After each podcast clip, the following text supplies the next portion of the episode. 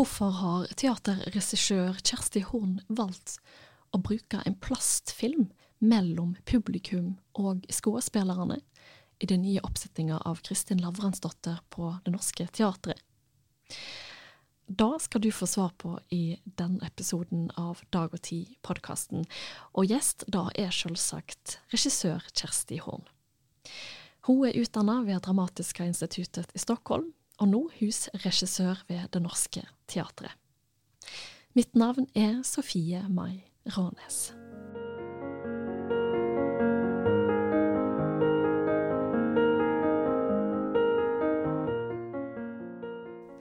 Velkommen til studio, Kjersti Horn.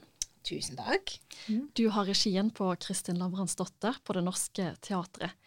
Og framsyninga har premiere lørdag 10. Og veldig kort fortalt så er triologien om Kristin Lavransdatter kanskje mest, de mest kjente bøkene til Sigrid Undset. Og I bøkene så følger vi Kristin, som vokser opp på en gard i Gudbrandsdalen på begynnelsen av 1300-tallet, fra hun er lita jente til hun dør. Og i stykket som nå blir sett opp på Det Norske Teatret, så kan jeg velge om jeg vil se ett stykke om gangen. Enten Kransen, Husfrue eller Korset. Eller se alle på én kveld. Og da er da en framsyning som til sammen tar ca. åtte timer. Ja. Det er ikke første gang Kristin Lamransdotter blir uh, spilt på Det Norske Teatret. I 1958 så ble Kransen sett opp, og det neste året så kom òg Husfrue og Korset. Og ifølge teatret sine egne nettsider så er disse de mest sette framsyningene i teatret sitt historie. Er det sant? Det var jo gøy. Det ja. visste ikke jeg. Litt, uh, litt press der, kanskje. Ja. Eh, du las trilogien om Kristin Lamransdatter først i voksen alder. Mm. Hva gjorde denne fortellinga her med deg? Jeg syns jo Jeg hadde jo veldig mange fordommer mot det, faktisk. At det var liksom på en måte litt sånn kvinnelitteratur og bla, bla, bla. Uh, men jeg ble, sånn, jeg ble nesten litt sjokkert når jeg leste det. Jeg tror kanskje det som jeg me ble mest opptatt av Nå har jo jeg fire barn, da. Så det som jeg kanskje ble mest opptatt av og oppdaget, på en måte, var hvor lite litteratur jeg hadde lest som på en måte beskrev de erfaringene som handler om på en måte eh, at det kommer et nytt liv ut av din egen kropp. Og alt hva det innebærer. Og også på en måte det å på en måte ja, leve i verden med både den erfaringen og den uh, utfordringen og belastningen det er å, å, leve sammen med barn og få til på en måte livet sitt likevel, da. Eh, og, og, at det var også skrevet liksom ikke på en sånn Jeg, jeg syns på en måte at Sigrid Undset er en, en, stor tenker, da. Men den typen av tenkning er kanskje ikke anerkjent eh, helt, på en måte. Eller den, den, den typen av, som rommer på en måte hele den kroppslige og, og eksistensielle erfaringen da, som et kvinneliv eh, innebærer. Det har på en måte ikke Det blir ikke så ofte satt ord på, syns jeg, da. Og jeg syns hun gjør det på en helt eh, formidabel måte. Det, det ga meg kraft, da. Og, og, så har jeg jo blitt liksom kjent med Sigrid Undset etter det. Og, og, lest masse om henne, og lest masse mer bøker av henne. ja, jeg syns hun er eh, Hun syns jeg er et menneske som, som gir krefter, da. Mm. Men de sier vel at du skal lese Sigrid Undset, eh, eller Kristin Lavransdatter, da. En gang i ung alder, en gang i voksen alder, og en gang eh, ja. i eldre alder. Ja, ja, det er veldig fint. Mm. Eh, veldig fin tanke. Mm. Eh, nå gikk jeg glipp av å lese den da jeg var ung, da. Og jeg tenker sånn, jeg har tenkt mye på mine egne barn, at det er jo en måte avansert litteratur. Og jeg lurer på liksom om den typen av lesing Sånn ordentlig unge mennesker i dag, da. Unge, unge jenter, for eksempel. Leser så tykke bøker. Jeg vet ikke. Nei. Det var kanskje mer i Netflix og HBO hvis ja, skal det, er være litt det er mye som konkurrerer oppmerksomheten, i hvert fall. da. Mm. Så det, det, krever jo sin mann, for å si det sånn, å komme seg gjennom de 900 sidene. Um, men jeg syns det er en god idé. Og det er en god idé også å lese også veldig mye om aldring. Om kjærlighet og person og alt mulig i på en måte et livsløp helt fram til du på en måte er gammel. da. Som er veldig, veldig vakkert, og som jeg sikkert eh, antar at man forstår på en annen måte når man er i andre faser i livet. Da. Eh, du ser jo annerledes på ungdommen når du er voksen ja. enn når du er ungdom sjøl. Ja. ja. Jeg vil gjerne at vi skal ta en liten tur innom hovedscenen ja. på Det Norske Teatret. Ja. Eh, for sånn som jeg har forstått, så er det ikke spor av mellomaldereffekter uh, i oppsettinga di av Kristin Lavransdatter. Og du ønsker heller ikke å tilføye stykket Ronja Røverdatter estetikk. Nei. Likevel så har omsetter Gunhild Øyehaug valgt å beholde det konservative språket til Undset. Og da lurer jeg på, hvorfor beholde dette her konservative språket, og samtidig ta Kristin ut av mellomalderen? Det er jo på en måte, det er på en måte uh, Ofte på teatret så sliter vi jo litt med at uh, man forteller det samme med alle virkemidler, på en måte. da. Jeg tenker at hvis man hadde skullet gjøre på en måte en komplett sånn Braveheart-estetikk på det, eh, så, så, tenker jeg kanskje at man ville gått motsatt vei og, og modernisert språket, men ikke, ikke, ikke estetikken. Eh, jeg tenker på en måte Hun skriver også så billedlig, og det blir ikke teater heller. Det er beskrivende tekst veldig ofte som de, de snakker. Jeg har beholdt mye at de beskriver hvordan de ser ut, og hvordan omgivelsene er, hvordan naturen er. Ting som vi aldri liksom heller kan på en måte klare like bra som det hun, Sigrid Undset, klarer på en måte å vekke i vår egen fantasi, da. Så der tenker jeg at man liksom Det er mange som har fordommer også mot sånn dramatiseringer av bøker, da. Men eh, jeg tenker at det her blir på en måte en det er et forsøk på å trenge lenger inn i litteraturen, ikke å illustrere litteraturen, egentlig. På en måte. Hvis man kan tenke sånn, da. Jeg, jeg tenker at vi har så mange bilder inni hodene våre at vi, vi klarer å, å, forestille oss ting også. Det er lett at teater blir sånn forenkling, på en måte. Og, og til en viss grad blir det jo også det. Men jeg tror det at det er fysiske kropper der, da, det tenker jeg Og vi kommer også veldig Vi bruker jo film også i, i uttrykket. sånn at det, man kommer veldig nær kroppen. Kroppen er jo lik nå og i middelalderen. Da, ja. Så det Men forstår jeg rett at, uh, at handlinga nå ikke foregår på 1300-tallet, men i vår tid? Nei. Den foregår på 1300-tallet, ja. 100 Det er som om vi har tatt en tur til 1300-tallet, ja. på en måte. I moten fra 2022. Ja. Ja. Mm. Veldig enkle prøveklær. Det er også veldig praktisk.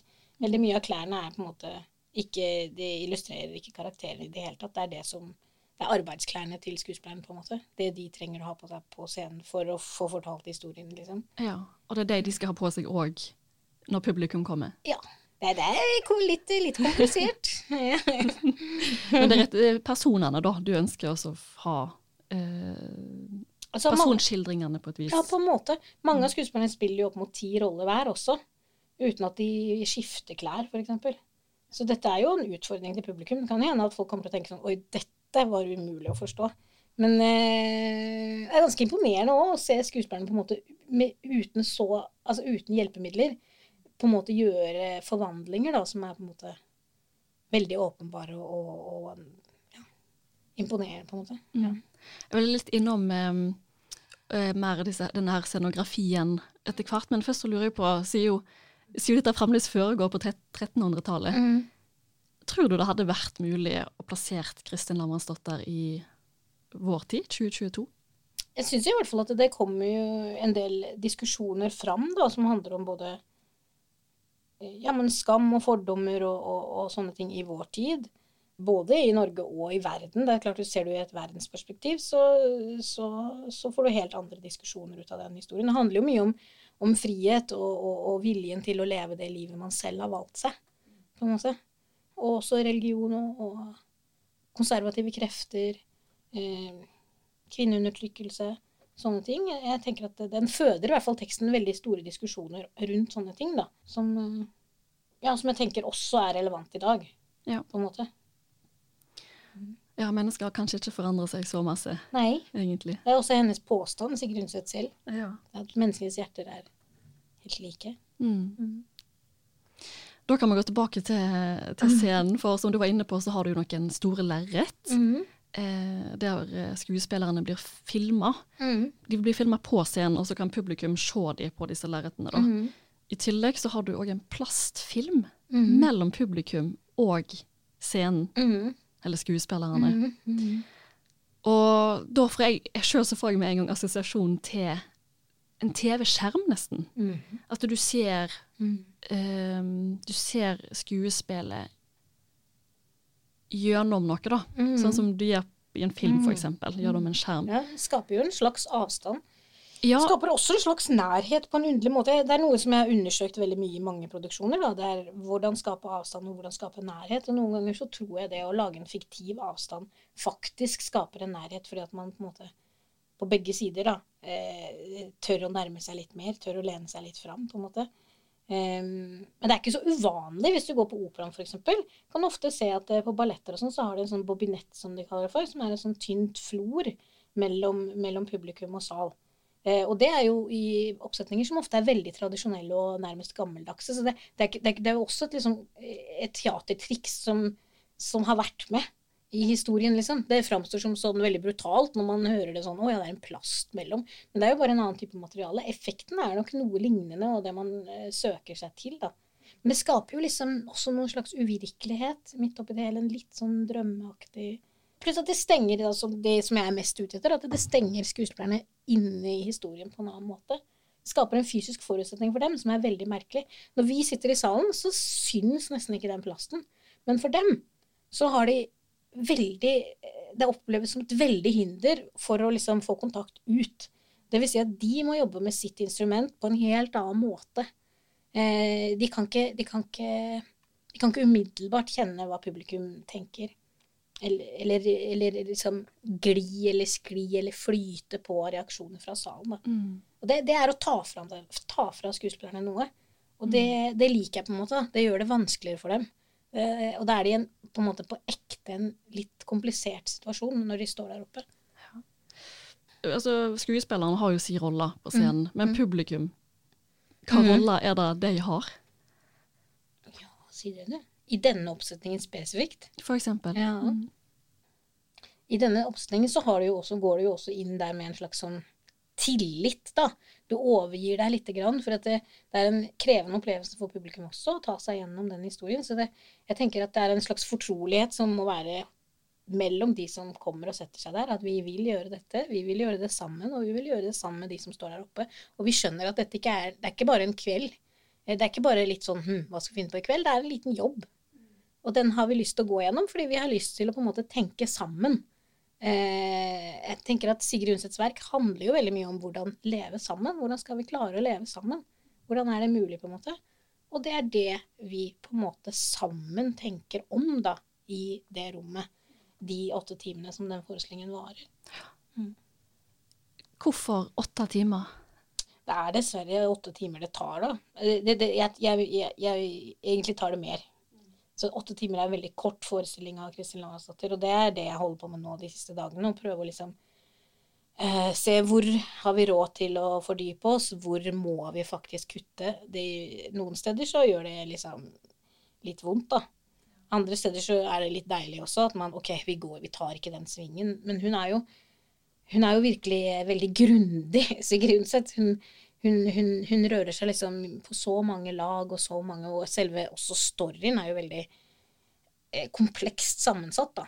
Så det er noen steder hvor man tenker sånn at ja, men vi vil heller høre litt mer om det her, men det går ikke pga. at storyen er bygd på denne måten. Nesten som Shakespeare, at det ene fører til det andre, på en måte. Så eh, det er det store som vi står i nå, da, akkurat. Som er litt grusomt, for det er også veldig mye fantastisk arbeid som skuespillerne har gjort, som man må si sånn sorry, det må vi bare kaste. Og dette her er bare noen få dager før premieren. Ja, det er ja. Vi er ikke, vi er ikke gjennom hele engang. Vi har, fortsatt, vi har fortsatt kanskje en halvtime igjen som vi ikke har fått laget. Mm. Spennende. Mm. Nå har vi jo snakka masse om, om denne oppsetninga, eller fremsyningen, da, Mm. eh, som har premiere på lørdag. Men hvis vi zoomer litt ut og ser på, på, på, en måte, på deg og, og deg som regissør Mhm. Jeg har skjønt at plast ikke er nødvendigvis noe nytt i denne framsyningen. Nei. Hva slags eh, verkemiddel er det du liker å bruke uh, på Jeg er veldig opptatt av scenografi og rom. Uh, og ikke så mye som som dekorasjon eller liksom illustrasjon, men som på en en fysisk forutsetning for skuespillernes arbeid. Og, og, og, og også på en måte en fysisk manifestasjon av på en, en eller annen form for essens da, som jeg opplever i, i verket. Ehm, og så er det på en måte noen ting som jeg kjemper med i meg selv også. Da, som allerede når jeg gjorde eksamensforestillingen min på Dramatiske institutt i Stockholm, for kjempelenge siden, så, så, eh, så, hadde vi en sånn plast foran mellom publikum. Men da var det en mye mer intim scene. Men det er noe med en opplevelse også av at man liksom Sånn som dette verket til Sigrid Undset også handler om, på en måte å kunne leve et fullt liv, eller leve på sine egne premisser, eller bryte ut av på en måte noen konvensjoner eller stereotyper eller rammer som man føler seg liksom låst i, da. Eh, det er ting som jeg også tenker mye på i mitt eget liv. Og det her med det her innkapslede rommet eh, handler jo også om det. Så det er jo også en historie om noe som jeg holder på med over lengre tid, da. Og kanskje aldri blir ferdig med. For meg så er jo liksom det med å lage forestillinger også en slags sånn holdt jeg på å si, forskningsprosjekt, eller, eller en, en måte å på en måte prøve å finne måter å leve på, da finne måter å, å, å, være i verden og kjenne at man får være, eh, på en måte. Og da tenker jeg at det er viktig å finne materiale og tekster der man på en måte kan Altså at man ikke tenker at nå har vi dette skuespillet her, og hvordan kan det bli fint, på en måte? Eller hvordan kan det bli underholdende, eller hvordan kan det bli flott? Men hva er det i dette som jeg ikke forstår? Hva er det jeg prøver å forstå i mitt eget liv, og som jeg kan forstå bedre sammen med noen andre gjennom å jobbe med dette materialet? Jeg tenker at teater er på en måte en sånn evig dialog, da. Fra du liksom en person møter materialet, så finner man en gruppe som man Derfor syns jeg også det er viktig å sette sammen grupper av skuespillere og kunstneriske team som har ulike typer av erfaringer. fordi mye av forestillingen blir jo til i diskusjonen om hva betyr dette, og hva betyr det i din kropp, på en måte. Eh, man forstår jo på en måte verket og verden gjennom kroppen i teatret. Og det er liksom ulikt, egentlig, fra andre typer av Hvis du skriver en kronikk eller jeg skjønner det, eh, En annen type, mer emosjonell inngang da, til å forsøke å forstå på en måte sårbarhet eller et eller annet sånt noe i virkeligheten. Det, det, det, tenker jeg, Man må ikke det. Man kan lage teater på mange forskjellige måter. For meg så tenker jeg at eh, sikkert for veldig mange kunstnere også, så er det den typen av veldig veldig personlige prosesser også innblandet i det, da, som gir drivkraft også til å til å jobbe. Det er jo, ikke, det er jo en slitsom jobb, ja. på en måte. Og det er heller ikke noe sånn å, hm, hvordan skal jeg få den fineste hus og hagen, liksom. Det er ikke sånn type av jobb. Det er jo en jobb som er pasjonsdrevet, liksom. Det tenker jeg for skuespillerne og for de kunstnerne som jobber med det, så er kanskje det nødvendig for at man virkelig skal lage noe som er vesentlig, da. Og ni av ti ganger så gjør man heller ikke det. Det er bare av og til at man kommer helt i mål og kjenner sånn Oi, her var det noe som åpna seg, liksom. Mm. Men så, hvis du ser på ditt eget liv, da, hva er det som gir deg mest Altså hva er det i livet ditt som gir deg mest inspirasjon, eh, eller ideer, til eh, Jeg vet skuespill? ikke. Mm. Det er vel en sånn eh, Det er vel en sånn slags form for eh, Det er jo noe sånn fortvilelse og angst også som, som driver en, det. på en måte. Like mye, som, like mye som, inspirasjon, liksom. Det er ofte noen som sier sånn Å, det er sånn lekent teater og sånn. Det tenker jeg sånn Det er feil, på en måte. Det er ikke det. Er ikke det. Det er ikke Det er, ikke, det er veldig sånn angstdrevet, på en måte, hvis man kan si det sånn, da. Eller i de mørkeste kroker, da. I, uh, som, som, som, gjør det nødvendig å gå tilbake og fortsette og fortsette og fortsette. På en måte. Jeg, liksom alt hva ens egen livshistorie innebærer, på en måte. å kjenne at man kommer til kort, eller kjenne at man ikke er verdig, eller kjenner at man eh, Det er jo sånne ting som Og for meg så er jo det mye knyttet til kroppen, så klart, siden jeg er funksjonshemmet, for eksempel. Eller ikke for eksempel, men som, som et faktum da, i mitt liv som gjør at selv når man på en måte Nå er jeg på en måte en velfungerende funksjonshemmet, jeg har jobb, og det er ikke alle som har det, men jeg, jeg har veldig allikevel kontakt med en del på en måte Jeg vet ikke hva man skal kalle det, problemstillinger eller utfordringer eller typer av følelser, da, som uh, gjør en veldig sårbar når man er såpass annerledes enn en, en de fleste, og som man støter på hver dag, uansett uh, hvilken Ja, det, det, du, du, kan på en måte klare deg så godt du bare vil, men du, du møter på det på butikken, i barnehagen, i alle mulige slags sammenhenger hele tiden, og det utfordrer på en måte ens egen tro på ens egen eksistensberettigelse. Det er på en måte en, e, et evig spørsmål, da. Eh, som, som, som, man må være sammen med andre mennesker og prate om, liksom. og ofte så kan det også være vanskelig Funksjonshemming er jo et tema som er vanskelig å prate om, fordi de fleste funksjonshemmede er på en måte ganske alene med den erfaringen. Det er ikke sånn at du tilhører ofte ikke et nettverk eller en gruppe, eller du er ganske alene med den erfaringen. Så og det er veldig lite skrevet om det, veldig lite formulert, på en måte, som, som, er vesentlig. Det meste er på en måte via majoritetssamfunnet, på en måte. En slags form for hjelpelitteratur, eller sor sånn litt sørgelig, stakkarsliggjørende litteratur, eller Det fins få forbilder, få, få, få, få, ting å se til, rett og slett. Og det har jo vært en kamp på en måte hele livet mitt fra jeg var liten, at jeg lengtet etter liksom, noe som gir meg på en måte intellektuelt eller filosofisk eller emosjonelt eh, styrke eller kraft, på en måte. Knagger å henge de erfaringene på.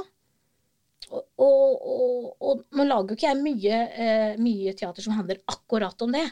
Og det er kanskje også en sånn der redsel. Eller en, en, Det er kanskje noe som jeg må våge å tørre. Men eh, jeg leter allikevel etter, etter tanker, da, som gir styrke til de erfaringene i all mulig slags litteratur og kunst, på en måte. Og i samtaler med de jeg jobber sammen med.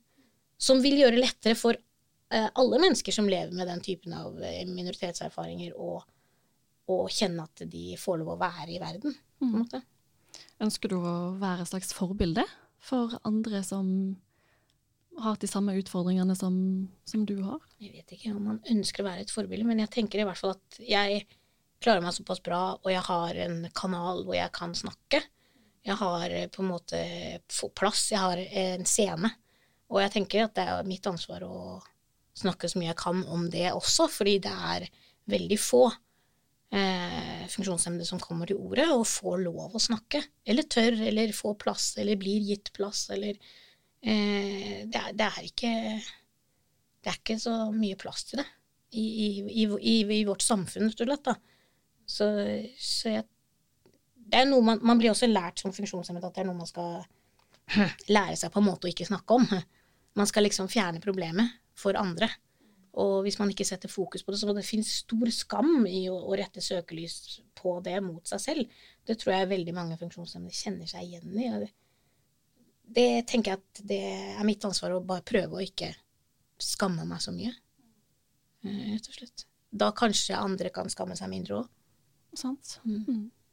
Så da å være kortvokst, da, mm. da har eh, på en måte gitt deg en slags kunstnerisk eh, Kanskje ikke frihet nødvendigvis, men eh, andre, andre, måter å tenke på og tolke verk på, som du ønsker å vise mm, det på scenen. Tenker. Mm. jeg tenker at jeg var veldig heldig. Jeg ble jo født inn i en teaterfamilie. Jeg ble født inn i med et jeg, jeg fikk på en måte et verktøy, da og jeg tenker at eh, kanskje mange med den typen erfaring ikke har et sånt verktøy hvor de faktisk kan på en måte eh, holde på med den diskusjonen på den måten som jeg får lov til og har mulighet til. Da. Så det var jo veldig heldig, på en måte. Det tenker jeg, får, jeg får være veldig glad for. Veldig, det er veldig mange andre Det er også et yrke som er lett for meg å utføre selv om kroppen min av og til sier at i dag så hadde det vært bedre å ligge i senga, på en måte. Så det er veldig heldig. Jeg oppfordrer jo alle til å prøve å Jeg tenker at det er såpass stor ting da, for et menneske å skille seg sånn ut, hva det nå måtte være, at det kommer av.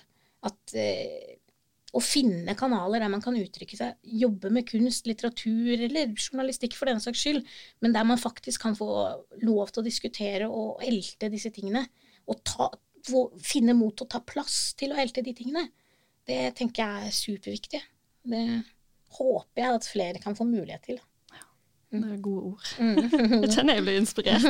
ja, ja, det er bra. Mm. Vi skal litt over igjen på, på teater, da. Mm. Jeg tror du var litt innom det tidligere òg, at du mener at teater ofte kan være for illustrerende og enkelt.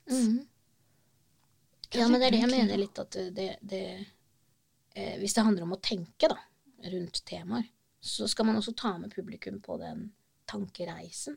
Og ikke sette stopp på premieren og si sånn 'Dette er det vi har funnet ut', eller 'Dette er det vi vil vise'. Men å invitere inn til 'Dette er de tankene vi har lyst til å tenke videre på sammen med dere'. Og da tenker jeg at hvis man låser estetikken for mye, så det bare blir en illustrasjon, så åpner man ikke det rommet for publikum. Da er det på en måte slutt når folk går ut. Jeg ønsker meg jo at folk skal snakke videre om ting de ikke hadde tenkt på at de måtte snakke om. når de går ut.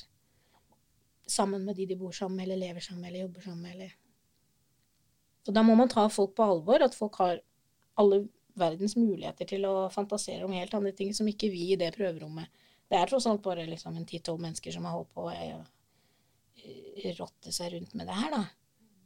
Og så kommer det mange, mange hundre mennesker å se på, og da utvider jo prosjektet seg. Ut fra alle de erfaringene som de som sitter i salen har. Ja.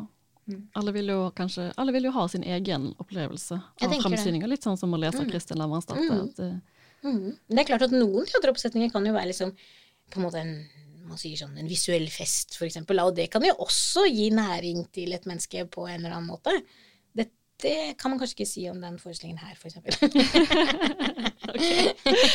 Det kommer litt an på smak, Eh, men eh, hvordan har det vært å arbeide med en åtte timer lang framsyning? det er jo Først og fremst har det vært forferdelig gøy, da. Vi har kost oss veldig. Men det er jo fordi jeg har et helt fantastisk ensemble. Og det har vært lite sånn Alle har vært veldig sånn Dette skal vi gjøre.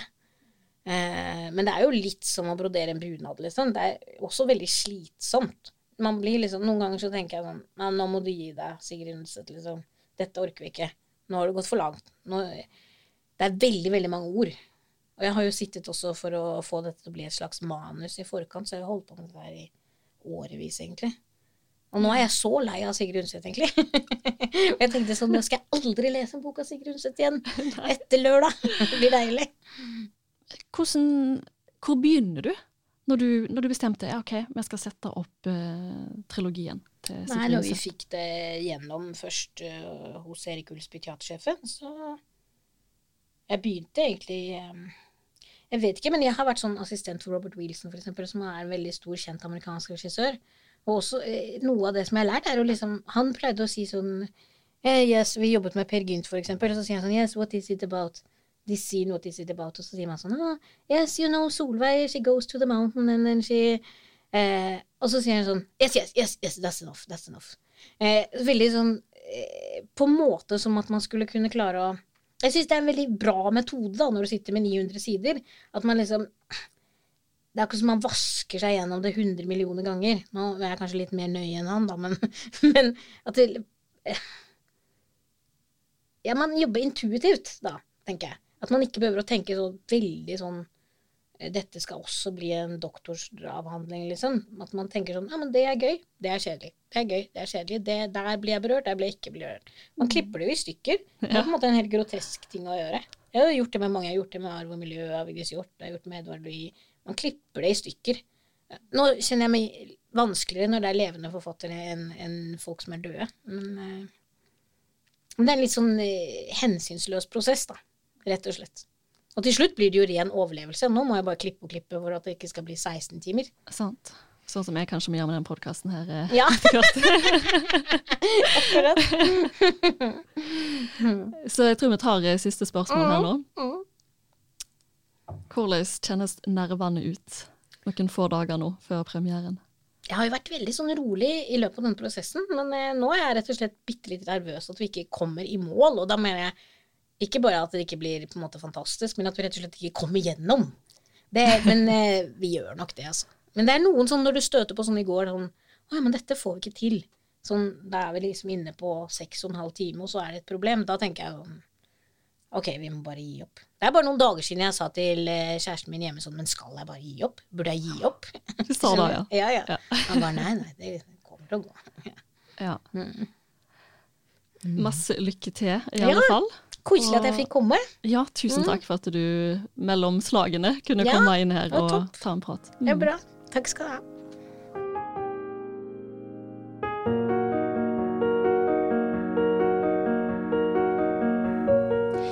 Du lytter til Dag og Tid-podkasten. 26. august hadde Dag og Tid på trykk en reportasje om Kristin Lavransdotter.